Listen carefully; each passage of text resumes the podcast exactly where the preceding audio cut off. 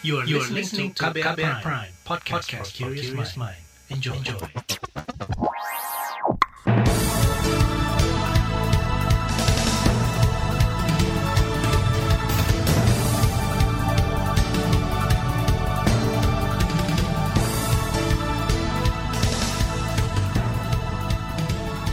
Pagi saudara, senang sekali kami bisa menjumpai Anda kembali melalui program Buletin Pagi edisi Rabu 16 Juni 2021. Saya Naomi Liandra, kami telah menyiapkan sejumlah informasi pilihan di antaranya. Target vaksinasi 1 juta per hari dinilai tidak realistis. Kemendikbud tiadakan pembelajaran tatap muka di daerah PPKM Mikro. Warga Kabupaten Sangihe terus tolak kegiatan tambang emas. Inilah Buletin Pagi selengkapnya. Terbaru di Buletin Pagi. Pemerintah menyatakan tidak ada cara lain untuk mengantisipasi pandemi COVID-19 selain dengan mempercepat program vaksinasi. Ketua Komite Penanganan COVID-19 dan Pemulihan Ekonomi Nasional sekaligus Menteri Koordinator Perekonomian, Air Langga Hartarto mengatakan, saat ini pemerintah sudah menyuntikkan sekitar 31 juta dosis vaksin COVID-19 ke masyarakat. Pemerintah akan mempercepat vaksinasi guna mencapai kekebalan komunal dengan target 1 juta suntikan vaksin per hari pada Juli mendatang.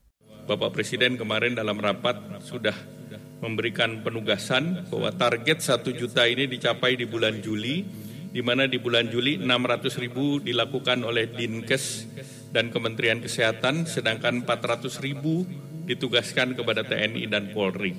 Jadi kita berharap di bulan Juli nanti ini angka 1 juta per hari bisa dilakukan karena memang tidak ada lain untuk penanganan COVID ini adalah percepatan daripada vaksinasi. Ketua Komite Penanganan COVID-19 dan Pemulihan Ekonomi Nasional Erlangga Hartarto mengatakan, selain dengan percepatan vaksinasi, penanganan COVID-19 juga didukung dengan perpanjangan pemberlakuan pembatasan kegiatan masyarakat atau PPKM Mikro tahap 10 dari tanggal 15 hingga 28 Juni mendatang. Pada PPKM Mikro ini ada pembatasan yang diperketat terutama di zona merah, yaitu meniadakan pembelajaran tatap muka, menutup tempat-tempat ibadah, serta mewajibkan kerja dari rumah hingga 75 persen. Sebelumnya pada awal pekan ini, Presiden Joko Widodo meminta agar vaksinasi di seluruh daerah bisa dilaksanakan di lokasi-lokasi yang luas dan strategis. Jokowi mencontohkan program vaksinasi di Kota Bekasi yang dilaksanakan di Stadion Patriot Chandrabaga. Menurutnya pemanfaatan lapangan sepak bola bisa menampung banyak orang, baik untuk disabilitas maupun pelayan-pelayan publik lain. Kita berharap dengan model seperti yang ada di Bekasi ini bisa diterapkan di kota dan kabupaten yang lain sehingga vaksinasi berlangsung dalam jumlah yang banyak di sini tadi Pak Wali Kota menyampaikan sehari bisa 10 ribu dan kita harapkan uh, segera bisa mencapai kekebalan komunal, herd immunity, dan kita berharap penyebaran COVID bisa kita hambat penyebarannya. Jokowi mengatakan vaksinasi harus terus diperluas agar capaian kekebalan komunal atau herd immunity bisa segera tercapai. Data Kementerian Kesehatan per 15 Juni kemarin penerima vaksin dosis pertama mencapai 20,6 juta orang dan penerima vaksinasi dosis kedua mencapai 11,6 juta orang. Sementara target vaksinasi secara nasional sebanyak 181 juta orang atau setara dengan 70 persen penduduk Indonesia. Menanggapi target percepatan vaksinasi dari pusat, pemerintah Kota Tangerang, Banten meminta agar distribusi vaksin dari pemerintah pusat ke daerah tidak terhambat. Wali Kota Tangerang Arif Erwis Mansyah mengatakan target vaksinasi di wilayahnya sekitar 1,3 juta orang atau 70 persen dari 1,8 juta penduduk kota Tangerang. Kalau data per hari kemarin kita baru uh, 150 ribu yang vaksin pertama, 100 ribu vaksin kedua, nah ditambah lagi 15 ribu yang hari ini. Ya mudah-mudahan makanya kita pengen segera tercapai. Tapi kalau vaksinnya ada kita bisa lakukan 15 ribu per hari ya mudah-mudahan satu bulan ke depan udah 450 ribu nih udah udah uh, kan targetnya harusnya 1,3 juta nah makanya suplai vaksinnya yang kita berharap terus konsisten dari pemerintah pusat supaya kami pemerintah daerah siap melaksanakan Sementara itu, pemerintah Provinsi Jawa Tengah mulai menginstruksikan agar para bupati dan wali kota mempercepat capaian vaksinasi. Kepala Dinas Kesehatan Jawa Tengah Yulianto Prabowo mengatakan, berdasarkan data yang ada, mayoritas warga Jawa Tengah yang meninggal karena COVID-19 belum mendapat suntikan vaksin. Pasien COVID yang meninggal mulai tanggal 9 Mei sampai 13 Juni ya itu 87 persen, 87,7 persen itu ternyata belum divaksin, ya. Jadi eh, yang sudah divaksin itu hanya 2,3 persen. Kepala Dinas Kesehatan Jawa Tengah Yulianto Prabowo mengklaim Pemprov telah melakukan berbagai upaya percepatan vaksinasi seperti membuka sentra vaksinasi Grandika yang berada di Komplek Gedung Gubernur bagi warga yang berusia di atas 50 tahun. Saat ini capaian vaksinasi di Jawa Tengah masih berkisar 46 persen dari target 24,5 juta jiwa. Ahli epidemiologi dari Universitas Griffith Australia, Diki Budiman, menilai target 1 juta suntikan per hari sangat berat dan tidak realistis. Target itu tidak berbasis pada situasi wabah di lapangan yang saat ini memburuk, apalagi ada banyak hambatan pada program vaksinasi nasional. Di antaranya ketersediaan vaksin hingga keraguan atau penolakan di masyarakat. Nah itu akan jadi batu sandungan gitu dan itu dalam waktu singkat itu nggak mungkin. Jadi artinya kita tidak bisa apalagi menempatkan vaksin ini sebagai ujung tombak. Eh, negara-negara yang berhasil itu menempatkan vaksinasi memang dimasifkan itu karena memang daya dukungnya sudah ada dan sudah dipersiapkan matang. Kita itu kalau bicara vaksin ya kan ada isu stoknya. Epidemiolog dari Universitas Griffith Australia Diki Budiman menambahkan pemerintah seyogianya mengevaluasi hambatan dari vaksinasi yang mencapai 100 ribu per hari sebelum menaikkan targetnya. Kata dia, cakupan vaksinasi bukan satu-satunya tolok ukur kekebalan komunal. Tolok ukur lain adalah menurunkan tingkat reproduksi virus COVID-19 di bawah satu, serta tingkat efikasi vaksin. Saat ini tingkat reproduksi virus COVID-19 di Indonesia masih di angka dua, yaitu satu orang positif COVID-19 menularkan ke dua orang lain. Saudara, Bank Indonesia melarang penggunaan mata uang digital atau kripto sebagai alat pembayaran. Tetaplah di Buletin Pagi KBR. You're listening to KBR Pride, podcast for curious mind. Enjoy!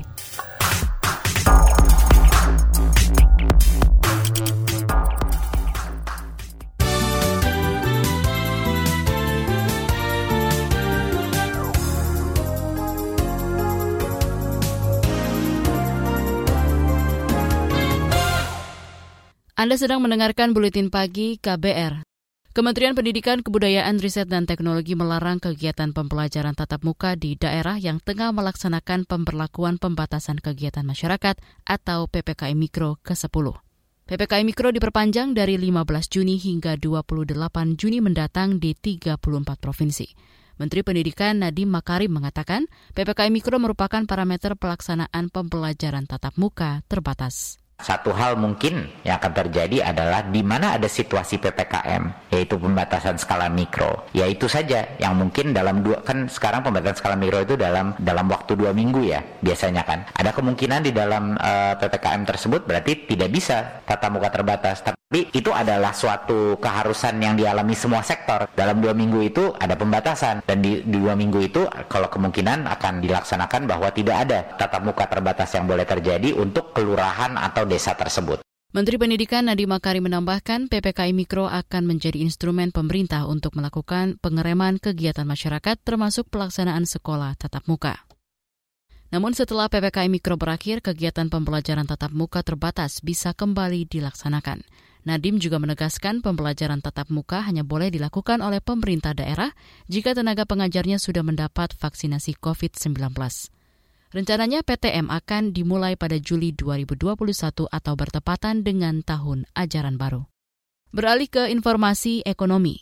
Bank Indonesia melarang lembaga-lembaga keuangan di Indonesia untuk menggunakan mata uang kripto atau cryptocurrency sebagai alat pembayaran maupun alat servis jasa keuangan. Gubernur BI Peri Warjio menegaskan kripto bukan alat pembayaran yang sah.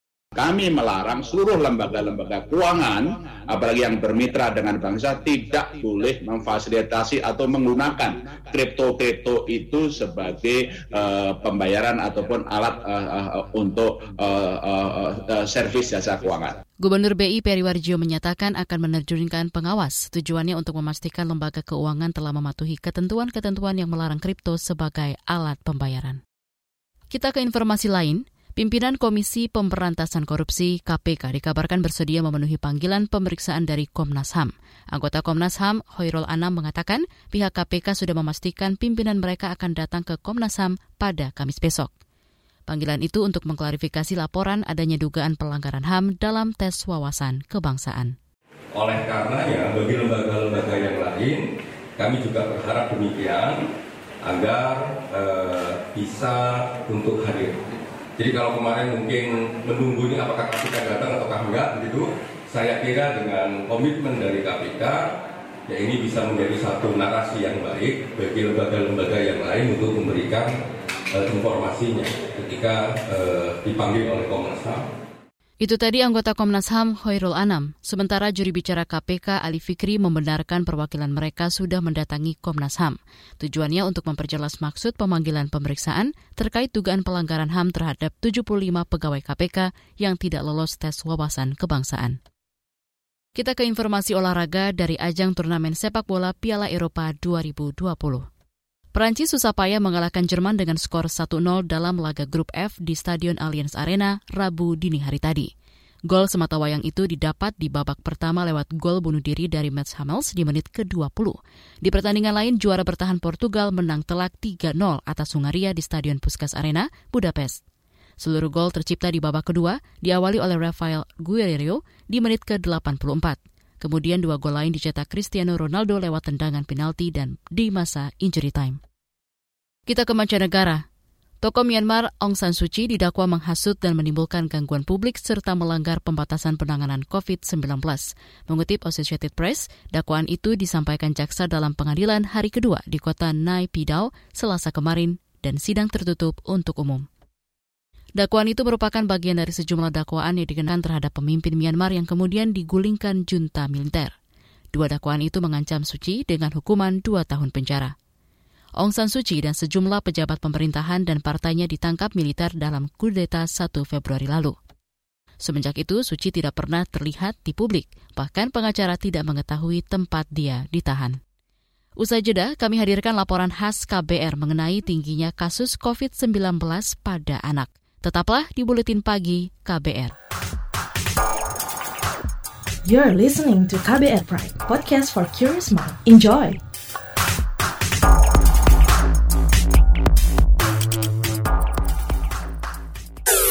Commercial break. Hmm, saya heran kenapa dagangan Bulastri selalu laris manis ya? Jangan-jangan dia pakai penglaris nih. Ah, Masa iya sih? Nah, saya samperin aja kali ya.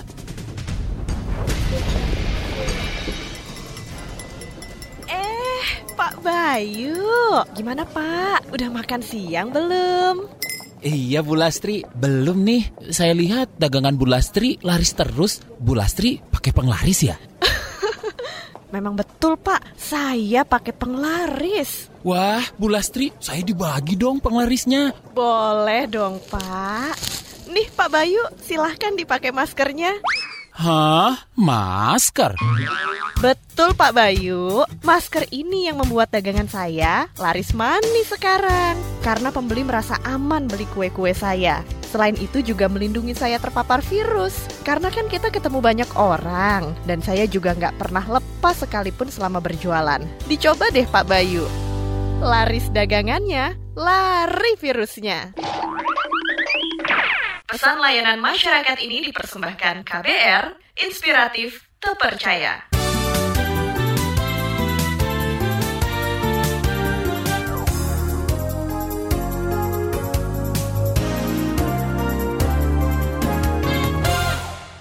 Anda masih bersama kami di Buletin Pagi KBR. Grafik penularan kasus positif COVID-19 di Indonesia terus meningkat. Dalam sepekan terakhir, jumlah kasus positif mencapai rata-rata 8.000 orang per hari. Tidak hanya orang dewasa, tapi angka penularan virus corona pada anak juga tinggi. Seperti apa kondisinya? Berikut laporan khas KBR dibacakan Reski Novianto. Saudara, rencana pembukaan kegiatan sekolah tatap muka pada Juli mendatang terus mendapat sorotan. Karena pandemi COVID-19 tak kenal usia, ribuan anak rentang usia 6 hingga 18 tahun di Indonesia terpapar COVID-19 dan tidak sedikit yang meninggal. Juru bicara Satuan Tugas Penanganan COVID-19 Wiku Adhisa Smito pekan ini mengatakan, anak di rentang usia itu menyumbang kasus COVID-19 lebih dari 9 persen. Berdasarkan data kasus usia antara 6 sampai dengan 18 tahun, menyumbang 9,6 persen kasus positif dan 0,6 persen pada kematian nasional, maka dari itu penting untuk diingat kesempatan pembukaan sektor pendidikan ini harus dijaga stabilitasnya secara hati-hati dan terbatas. Seluruh guru yang ikut dalam pembelajaran tatap muka juga harus sudah divaksin dan dipastikan tidak memiliki penyakit komorbid. Data Satgas COVID-19 pada pekan kedua Juni juga menyebut dari total angka kematian akibat COVID-19, sekitar 1,2 persennya adalah anak usia di bawah 18 tahun atau mencapai lebih dari 600 jiwa.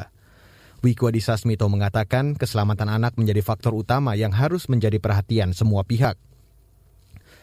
Jumlah angka kasus penularan COVID-19 pada anak diduga jauh lebih tinggi lagi. Ikatan Dokter Anak Indonesia atau IDAI menyebut ada ketidakcocokan antara data pemerintah yang sebesar 9,6 persen dengan kondisi di lapangan. Ketua Ikatan Dokter Anak Indonesia atau IDAI, Aman Bakti Pulungan mengatakan, berdasarkan peta sebaran COVID-19, kasus positif pada usia anak kini mencapai 12 persen atau lebih dari 200 ribu anak. Yang jadi masalah, nanti kalau sekarang 1,9 juta kasus kita, kita yang paling tinggi ini di ASEAN, harusnya kalau sekitar 12 persen, ada 250 ribu kan kasus kita. Kenapa data ini yang dilaporkan oleh seluruh ketua cabang IDAI, kita minta setiap minggu kita kumpul dengan ketua cabang IDAI, kita lihat kita yang terkumpul dilaporkan oleh dokter anak yang merawat dan juga mencari datanya hanya 113 ribu. Ketua Ikatan Dokter Anak Indonesia, Aman Bakti Pulungan meyakini masih banyak kasus positif COVID-19 pada anak yang tidak dilaporkan atau tidak terdeteksi. Ia bahkan menyebut angka kematian pada anak karena COVID-19 mencapai ribuan anak per minggu. Aman Bakti menilai ada pihak-pihak yang menganggap remeh kasus positif virus corona pada anak, bahkan termasuk organisasi dunia seperti WHO dan UNICEF. Tingginya kasus penularan COVID-19 pada anak diyakini akibat ulah orang dewasa. Kementerian Pemberdayaan Perempuan dan Perlindungan Anak menyebut, kelengahan penerapan protokol kesehatan pada orang dewasa menjadi salah satu faktor tingginya tingkat kasus dan kematian anak akibat COVID-19. Ini disampaikan Asisten Deputi Perlindungan Khusus Anak dari Kekerasan Ciput Eka Purwianti protokol kesehatan itu untuk dirinya sendiri bagi orang dewasa, namun secara tidak langsung itu sebetulnya turut melindungi anak-anak. Karena kan anak-anak ini kan mereka tergantung pada orang dewasa di sekitarnya. Jadi usia di tahapan pertumbuhan anak itu ada masa yang mereka memang betul-betul tergantung dengan orang dewasa, pengasuhnya, walinya, Selain kurangnya tingkat penerapan protokol kesehatan, Asisten Deputi Perlindungan Khusus Anak dari Kekerasan Ciput Eka Purwianti mengungkapkan, persoalan sanitasi dan air bersih di tingkat rumah tangga juga perlu ditingkatkan, sebab kebersihan menjadi salah satu kunci pencegahan penyebaran COVID-19. Sejak jauh-jauh hari, Komisioner KPAI Retno Listiarti mendesak pemerintah menunda pelaksanaan pembelajaran tatap muka yang rencananya digelar Juli mendatang. Kemudian KPAI juga mendorong pemerintah mempertimbangkan jumlah kasus. Kami duga Juli akan terjadi kenaikan kasus. Sekarang saja sudah Wisma Atlet sudah penuh kembali. Jadi kami uh, ingin uh, menyampaikan bahwa uh, membuka sekolah itu penting sekali melihat juga kasus penyebarannya. Jadi kalau positif rate-nya di atas 5%, sebaiknya sekolah jangan dibuka meskipun sekolahnya sebenarnya sudah punya kesiapan. Komisioner KPAI Retno Listiarti mengatakan anak sangat rentan tertular virus corona baik saat berangkat ke sekolah, saat berada di sekolah, atau saat pulang sekolah. Laporan ini disusun Agus Lukman, saya Reski Mesanto. Informasi dari berbagai daerah akan hadir usai jeda, tetaplah bersama Buletin Pagi KBR. You're listening to KBR Pride, podcast for curious mind. Enjoy!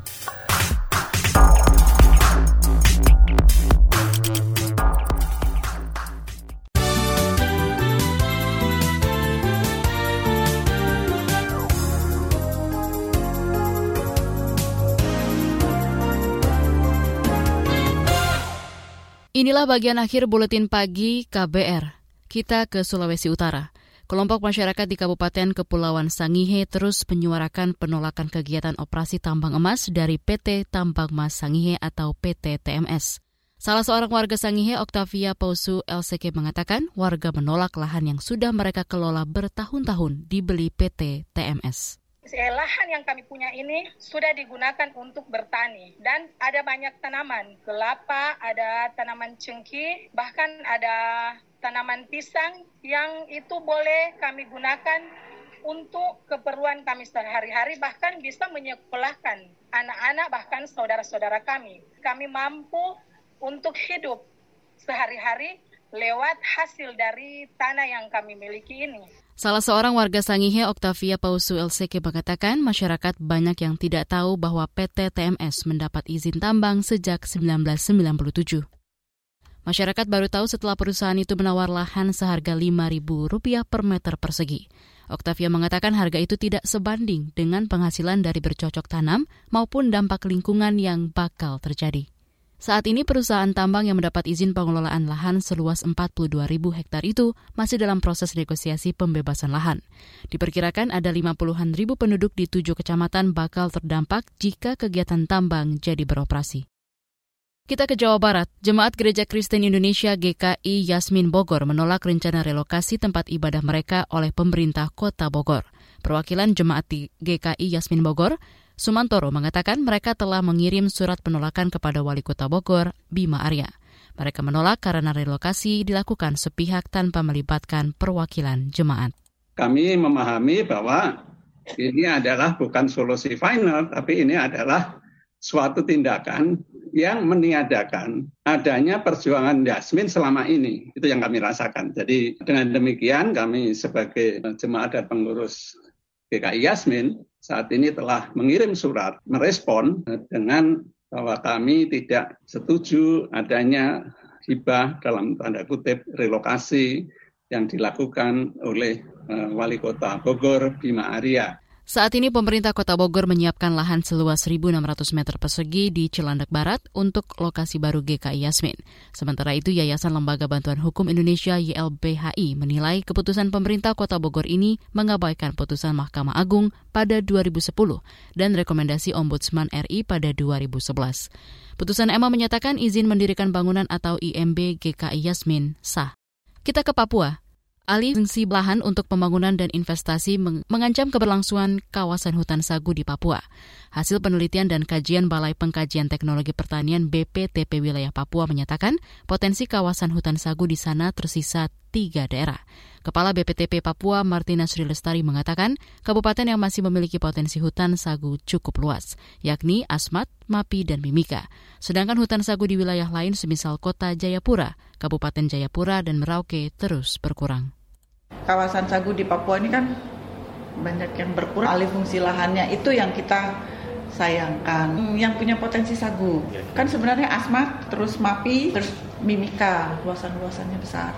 Sagu tuh dapat perhatian betul dari Pak Presiden. Ya mungkin mungkin yang masih produktif itu yang harusnya kita jaga. Kalau hutan-hutan produktif terus kita alih fungsi kan sebenarnya kasihan Kepala BPTP Wilayah Papua Martina Sri Lestari menambahkan, pemerintah daerah dan pihak terkait harus memiliki strategi menjaga keberlangsungan hutan sagu di Papua, sebab provinsi di paling timur Indonesia itu memiliki berbagai jenis sagu.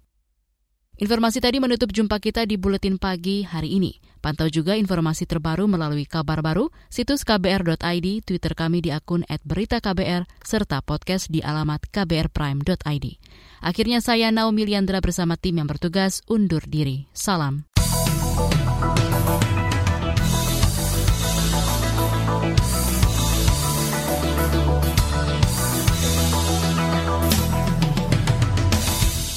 KBR Prime, cara asik mendengar berita. KBR Prime, podcast for curious mind.